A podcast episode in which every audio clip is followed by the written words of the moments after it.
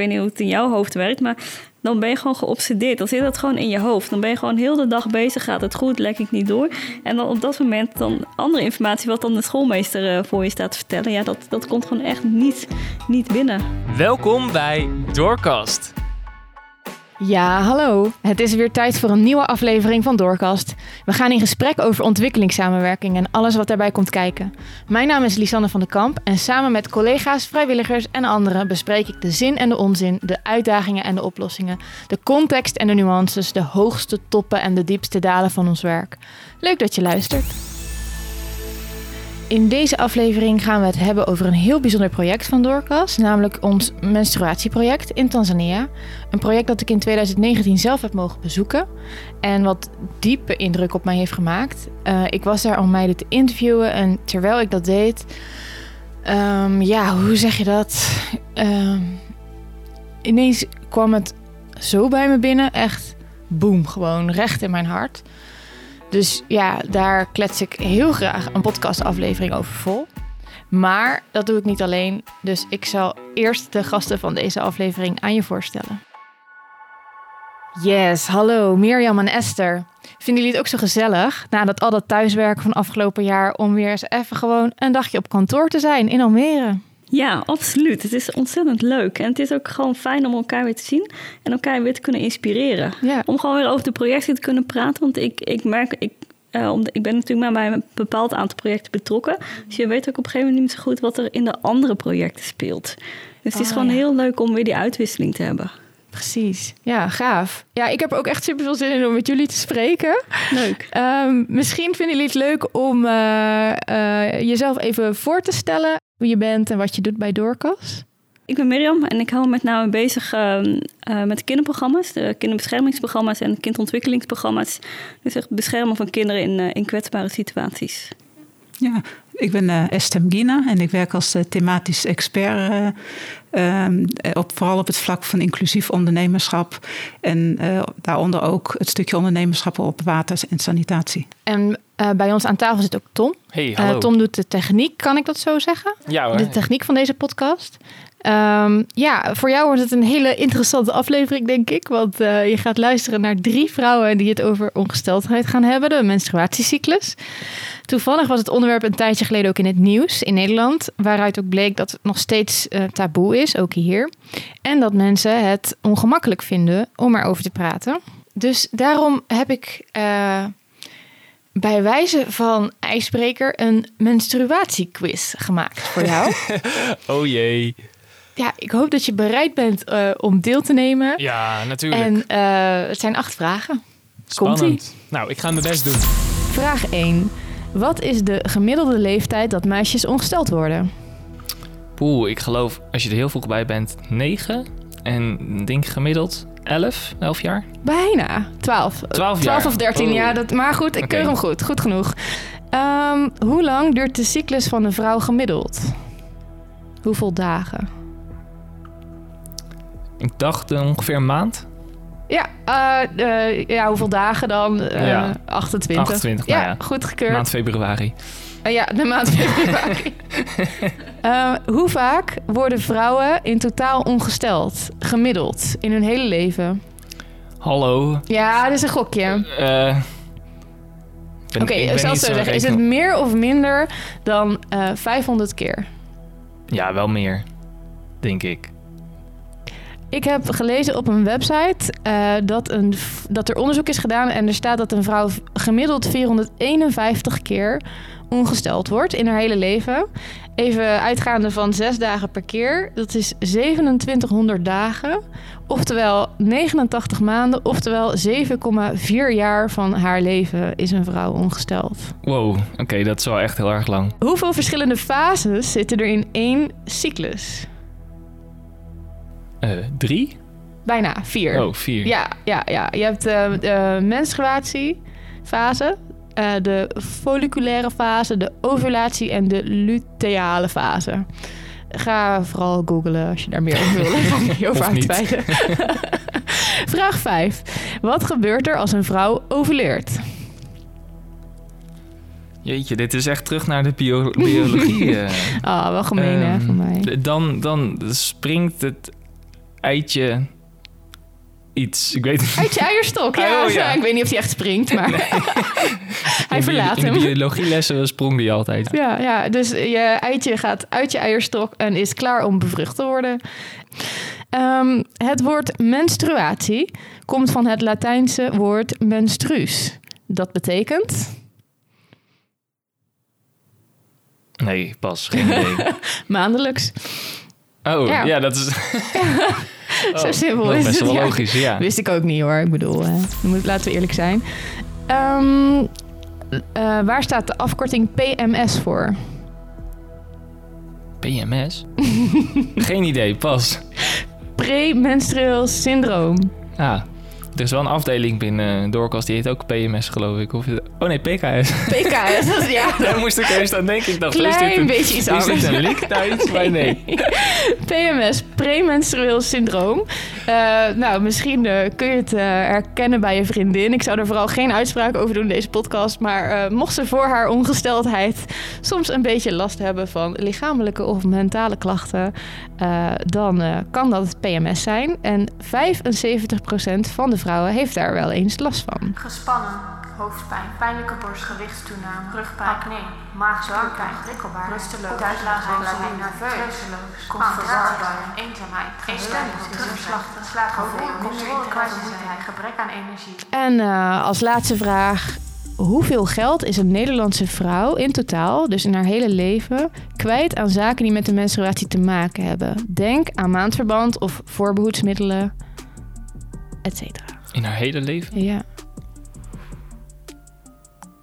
Ja.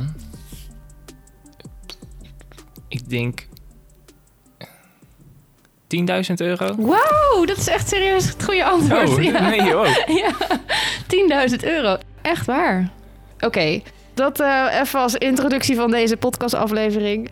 Ik, eh, ja, ik ben best wel tevreden over je score. Volgens mij als je, er, als je echt eh, heel veel antwoorden goed. Dus Ik kan weer thuiskomen. Zeker.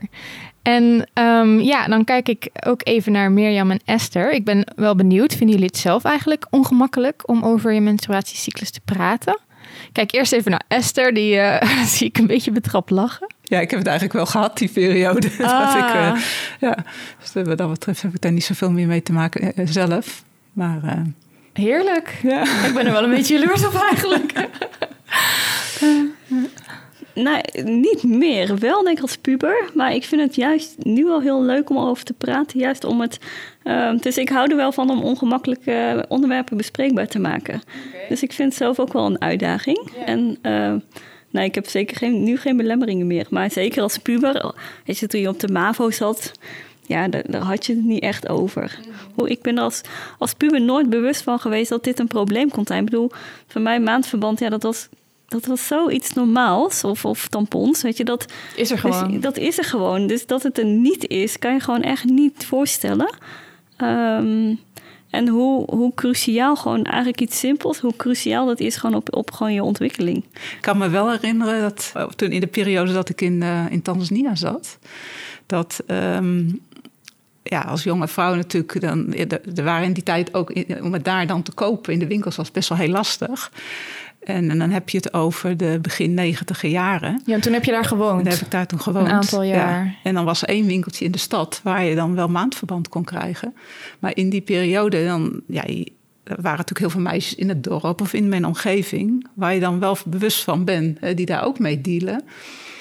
Eh, Of mee te maken hebben. En dat je dan wel afvraagt van ja, hoe doen die dat? Hè? Maar dat het op dat, in dat opzicht dat het toch wel een, in die tijd vooral denk ik dat ik vond dat ook zelf wel toch lastig om dan dat Om daar te vragen, ja. ja. En weet je nu wel hoe, want eh, is het nog Ja. steeds zo? Of, eh, en, hoe, en hoe pakken ze dat aan dan in die regio? Nou ja, op een gegeven moment ontdek je wel dat ze inderdaad van alles gebruiken. Van, van, van doeken tot soms ook wel gewoon.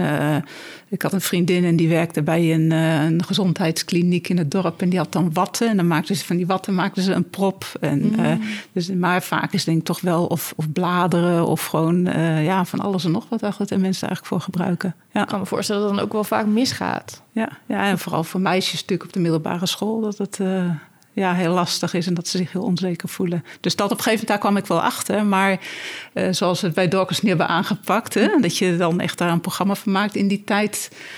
ja, die visie had ik niet van, uh, oké, wat kan ik daar dan mee? Of hoe, hoe kunnen we dat een oplossing hoe kun je dat komen? doorbreken? Ja, hoe kun je dat doorbreken? Ja. ja. is ook lastig in je eentje natuurlijk. Maar, ja. Maar des te enthousiast je waarschijnlijk dan bent over het project wat we vandaag gaan bespreken. Zeker weten. Ja. Ik heb in 2019 dit project ook zelf bezocht in Tanzania. Uh, en toen heb ik ook wat meiden gesproken die ook die, die binnen, de, binnen het project waar we het nu over hebben, zijn geselecteerd als rolmodel. En die hebben ook uh, een van de taken die daar zeg maar bij hoort, is dat ze hun eigen verhaal ook binnen hun gemeenschap uh, vertellen, zodat, zodat het ook wat meer genormaliseerd wordt allemaal, het hele onderwerp.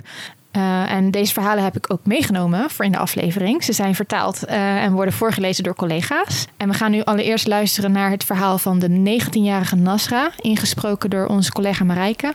En straks volgen nog de verhalen van Winifrida, ingesproken door Rosita, en Ashura, ingesproken door Irma.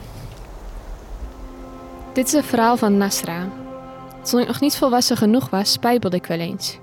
Dat veranderde toen ik doorkreeg dat de mensen die hun school niet afmaken, geen goede toekomst tegemoet gaan. Die mensen ken ik genoeg, maar ik heb ook goede voorbeelden. Bijvoorbeeld mijn tante. Zij werkt op een vliegveld. Zij geeft de vliegtuigen toestemming om te mogen vertrekken. Dat vind ik zo stoer. Ik ben 19 jaar en zit in de vierde klas van de middelbare school. Ik ben de oudste van vijf kinderen. Ik heb twee broertjes en twee zusjes. Het is mijn droom om verpleegkundige te worden in het leger. Dankzij Darka's heb ik veel geleerd over menstruatie. Toch praat ik er nog steeds niet graag over. Met mijn zusje heb ik het er bijvoorbeeld nog niet over gehad.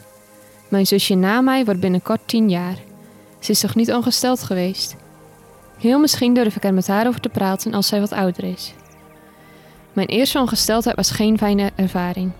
Gelukkig gebeurde het niet tijdens een schooldag. Ik had vakantie en het was avond. Ik wist al wat menstrueren was, dus ik vertelde aan mijn moeder dat het gebeurd was. Ze zei dat ze me niet geloofde. Om het te bewijzen liet ik het bloed zien in mijn rok. Toen zei ze dat ik me vast had geschaafd tijdens een spelen. Oké, laten we even wat context schetsen. We gaan het hebben over een doorkastproject in Tanzania in het gebied Handeni. Kunnen jullie eens de context schetsen van dit gebied? Waar ligt dit gebied? Hoe leven de mensen hier? Hoe is het klimaat, economie? Het is in het uh, noordoosten van uh, Tanzania tegen de, ja, tegen de kust, uh, in de regio Tanga. het is een gebied waar um, ook veel um, veehouders wonen, die dus ook een deel, soms het gehele jaar, maar ook wel een deel, voor een deel van het jaar daar zijn. En dus eigenlijk vanuit, meer vanuit het noord, het midden, het gebied van Arusha, zeg maar, naar Handeni toetrekken met hun vee. Um, en daarnaast ook uh, landbouwers. Dus die, ja, die wonen daar uh, samen in dat gebied. Ja, economisch gezien, um, ja, denk mensen toch uh, vaak wel onder of tegen de armoedegrens aan zitten. Vaak denk ik eronder. Hoewel Tanzania natuurlijk sinds kort wel um, een middeninkomenland is. Maar dat, ja, dat merk je daar in die regio niet echt. Merk misschien. je daar niet veel, nee. En het is toch best wel een een redelijk droog gebied. Ja, laten we het daar uh, inderdaad even over hebben. Want eh, ook dat kun je echt niet voorstellen als Nederlander. Uh, maar er is in Handeni gewoon letterlijk geen watertoevoer. Klopt dat? Uh, dat klopt. Uh, nou, water in Handeni blijft gewoon een enorm probleem, want het is vaak een regenwateropvang waar we van afhankelijk zijn. Uh, en dus het, ja, dat is nog steeds wel een, het blijft een punt van aandacht. Dus Moet het is wel natuurlijk eerst regenen. Voor ja, de, dus ja. in de droge periodes is het nog lastig. Ja, of er moet water van een andere plek daar naartoe gebracht worden. Ja, maar dat, dat inderdaad, de probleem, waterproblematiek in Handeni is enorm. Ja. Ja, ja. ja en sommige, sommige uitdagingen kan je dus niet altijd wat aan doen. Dat, dat maakt het wel lastig. Ja. Ja, toch is wel mooi dat er met, uh, met geld extra van ondernemers uh, uit Nederland hebben we dus wel een heel aantal watertanks neer kunnen zetten ja. bij scholen. Ja. ja. en andere manieren om regenwater op te vangen. Dus gewoon ook aan, aan de daken van scholen. Dus van die uh, regenwateropvangsystemen kunnen laten bouwen. Zodat je nog meer regenwater gewoon weet op te vangen. Als het dan regent, Als dan het regent. zoveel mogelijk. Ja, precies, precies. Dat je probeert dat water dat dan uit de lucht komt vallen, zoveel mogelijk probeert op te vangen. Het is zelfs zo dat er op dit moment Handeni als stad, die hebben dus ook geen goede watervoorziening. En die zijn afhankelijk van een pijpleiding van 50 kilometer of zo. En dus, ja. dus het is, ja. Zo, ja. Je zou er maar wonen en dat die leiding dan bijvoorbeeld ineens, uh, dat daar iets mee is. Ja. Ja, dus het is wel een probleem inderdaad, dat gebied. En het zit natuurlijk wel aan de kust, maar dat is natuurlijk zoutwater. Dus ja, dan zou je echt moeten kijken of je dus van zout naar zoet kan gaan. Maar ja, dat zijn natuurlijk best wel redelijke investeringen. Ja, dus je hebt soms in de dorpen wel dat er eh, putten zijn. Maar die leveren dan zout water. Nou, op zich voor wassen kan dat op zich prima natuurlijk. ja. Maar, eh, Ja. maar Wauw. niet voor drinken. Ja. Ja. Oké, nou ik denk dat we zo een aardig beeld hebben kunnen krijgen van de regio, van Deni. Eh, laten we het dan nu hebben over het menstruatieproject zelf. Eh, wanneer zijn we hiermee begonnen? Wat was eigenlijk de aanleiding, eh, de, de reden dat we ermee begonnen? Ja, we zagen gewoon echt hele hoge aantallen van meisjes die op een zekere leeftijd gewoon niet verder gingen met hun opleiding. En, ehm, en toen was ook een beetje de vraag van, hé, maar waar komt het dan vandaan? En toen werd op een gegeven moment ook wel in, in meerdere landen, ook in Kenia speelde dat, Tanzania, ook wel echt gesignaleerd van, hé, we zien echt een problematiek dat meisjes onvoldoende ondersteuning hebben op school om ook goede menstruatie eh, kunnen toepassen op school. En dus ehm, niet ervoor kiezen om thuis te blijven en niet naar school te gaan. Dus wat kan je dan zeggen aan de context veranderen, aan de situatie, dat deze meisjes alsnog nog wel naar school gaan? Ja, wat ook natuurlijk te maken heeft met de facilitaire voorzieningen in de scholen. Dus op het moment dat een meisje naar school gaat en er zijn geen eh, goede sanitaire voorzieningen, er is geen water, eh, dat is natuurlijk een ander punt, waardoor het, ja, dat je maar beter thuis kan blijven. Want dan, hè, dan dat je wij spreken dat, je- dat je problemen op school krijgt en dat iedereen ziet dat je in echt ja, in een gênante situatie terechtkomt. Ja. Ja. Ja. en gewoon angst, weet je, angst dat je doorlekt. Ja. Dat is toch verschrikkelijk? Als je op school zit en je bent 14 en je hebt ineens eh, bloed aan je rok. Dat herken ik heel erg van die interviews die ik daar met. Ik heb acht meiden geïnterviewd toen. En ik kon me ineens zo goed. Toen ik daar was, kon ik ineens. Soms, zeg maar, soms dan hoor je iets en dan denk je, oh ja, dat is wel erg. Maar soms dan ben je ergens, dan zit je er middenin en dan, dan realiseer je ineens hoe erg het is. En ik kan me zo goed voorstellen dat je denkt, nou, ik heb nog liever geen diploma eh, en dat ik dan al dit, dat al dit me bespaard blijft. Want inderdaad, die meiden die, ehm, nou, wat, wat, wat ik ook nog altijd is bijgebleven, is dat sommige meiden echt kilometers lang naar school moeten lopen. Eh, en dat dat eigenlijk al te veel voor ze was, omdat het, nou, het is echt super heet. Nou, misschien ben je al doorgelekt voordat je überhaupt op school aankomt. En dan kom je op school en zijn er geen wc's, geen omkleedhokjes, geen prullenbakken, geen water om je te wassen. Eh, geen, je hebt geen maandverband. En je hebt zelfs niet eens een, een hoekje of een struikje waar je je kan verstoppen om even zelf te kijken of het allemaal nog goed gaat. Ja, Dus ja. je gaat maar een beetje op hoofd van zegen eh, naar school. En ehm, nou ja, ook een van die meiden vertelde bijvoorbeeld van... ik was een keer doorgelekt. En dan zijn er sommige jongens die, eh, die gaan je gewoon eh, voor je neus staan uitlachen bijvoorbeeld. Omdat ze het dan allemaal maar reuze grappig vinden. Nou, Ja, ja, en ik denk als meisjes zijn, en dan weet je, op, op zo'n moment, ik, ik weet niet hoe het in jouw hoofd werkt, maar dan ben je gewoon geobsedeerd. Dan zit dat gewoon in je hoofd. Dan ben je gewoon heel de dag bezig. Gaat het goed? Lek ik niet door? En dan op dat moment dan andere informatie, wat dan de schoolmeester eh, voor je staat te vertellen, ja, dat, dat komt gewoon echt niet, niet binnen. Dit is het verhaal van Winifrida. Ik wil graag op reis naar Amerika. Het lijkt me fantastisch om op nieuwe plekken te komen en andere culturen te leren kennen. Het allerleukst lijkt me de vliegreis er naartoe. Mijn droom is om piloot te worden. Met mijn salaris wil ik mensen helpen. Allereerst zou ik een huis laten bouwen voor mijn ouders, zodat ze weer een eigen thuis hebben. Ik ben 14 jaar. Ik woon samen met mijn ouders en één broer bij mijn oma, omdat ons eigen huis jaren geleden is afgebrand. Op school ben ik een van de weinige christelijke meisjes. Daarom draag ik geen hoofddoek. Ik zit in de laatste klas van de basisschool. Thuis ben ik de jongste in een gezin met acht kinderen. Ik heb twee zussen en vijf broers. Toen ik op mijn twaalfde voor de eerste keer ongesteld werd, wist ik niet wat er aan de hand was. Ik dacht misschien ben ik ziek. Ik was bang, maar durfde het niet aan mijn moeder te vertellen. De maand daarna vond mijn moeder bloed in mijn rok. Ze riep me bij zich en zei: Vanaf nu ben je volwassen. Let erop dat je niet meer met jongens speelt of praat. Dan kun je zwanger worden. alright. We hebben het gehad over het gebied Handeni, de, de, zeg maar de context waar de meisjes opgroeien. We hebben besproken wat de aanleiding is van het project. Waarom leidt het feit dat meisjes menstrueren eigenlijk tot problemen? En dan nu, ehm, wat doet Doorkas eigenlijk? Waaruit bestaat het menstruatieproject?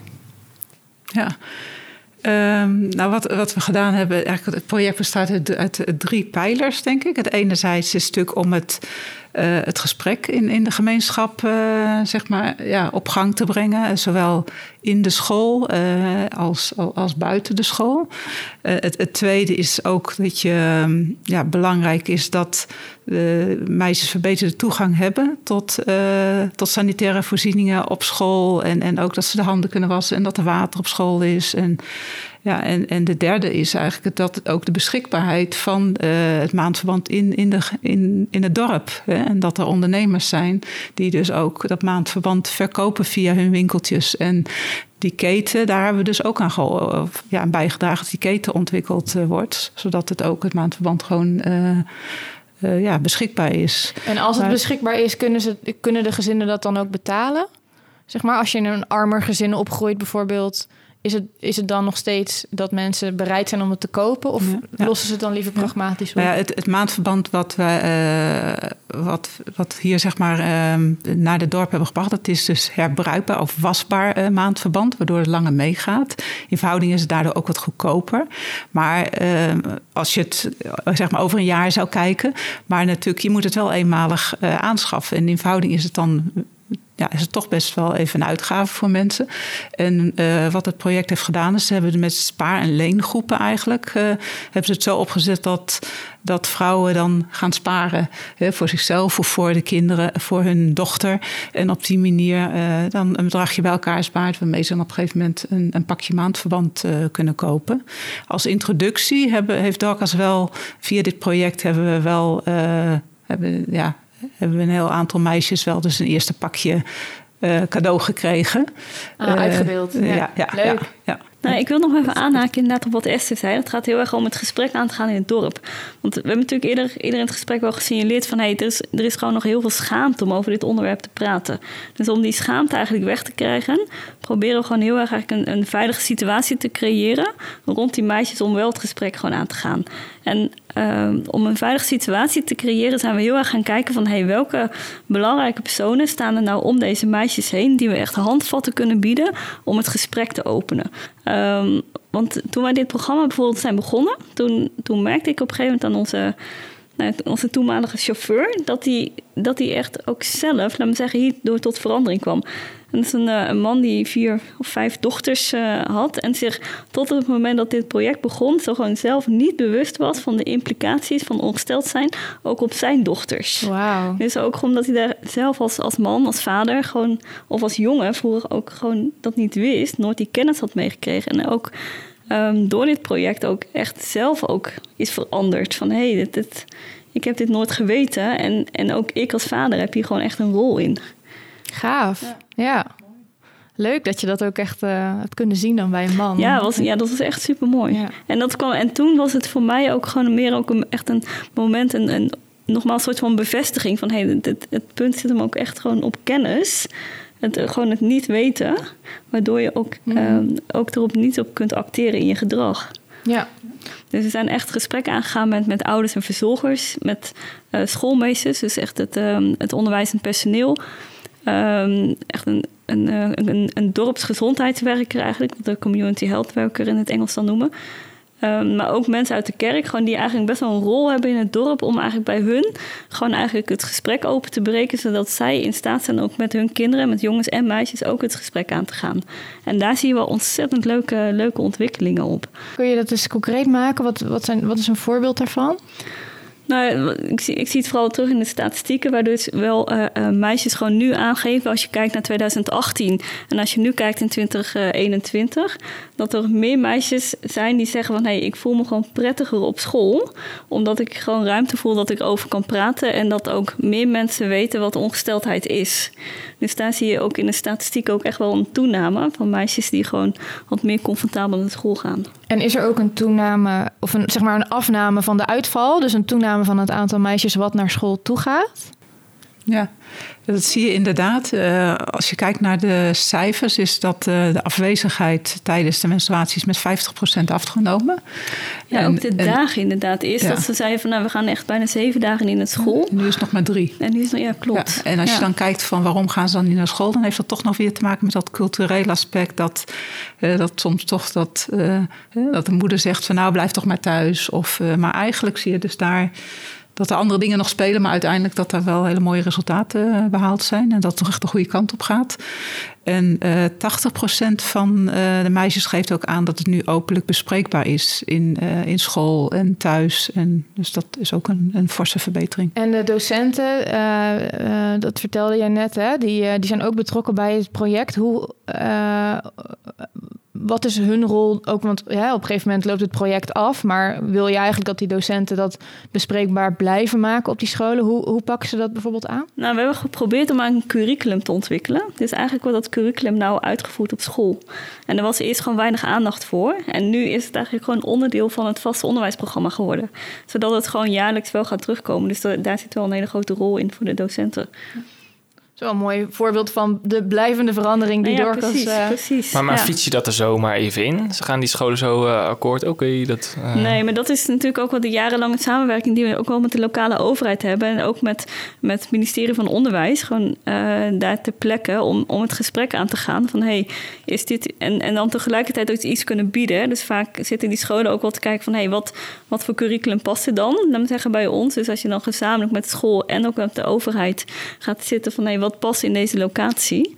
Um, dus, en dat is op, op, op basis van gewoon wel uh, gesprekken die, die hebben plaatsgevonden. En ook wel een stukje relatieopbouw met de overheid erin. Ja, en eigenlijk zie je nu ook wel, we nu tegen het eind van, van het project lopen, dat uh, er wordt een platform opgericht waar dus ook echt de overheid in aanwezig is.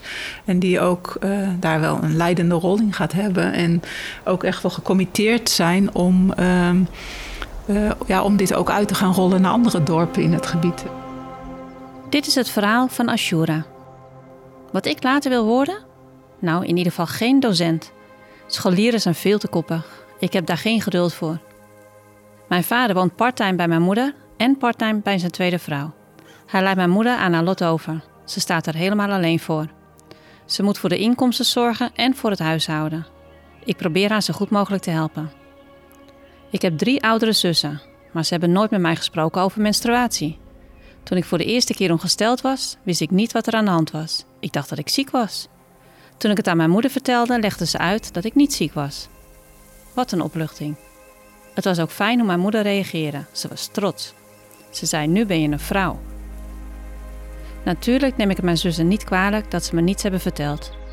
In onze cultuur is dat nu eenmaal niet gebruikelijk we hebben dit project uh, zeg maar, uh, nu uitgerold in, uh, in 27 lagere en middelbare scholen in, in 17 dorpen.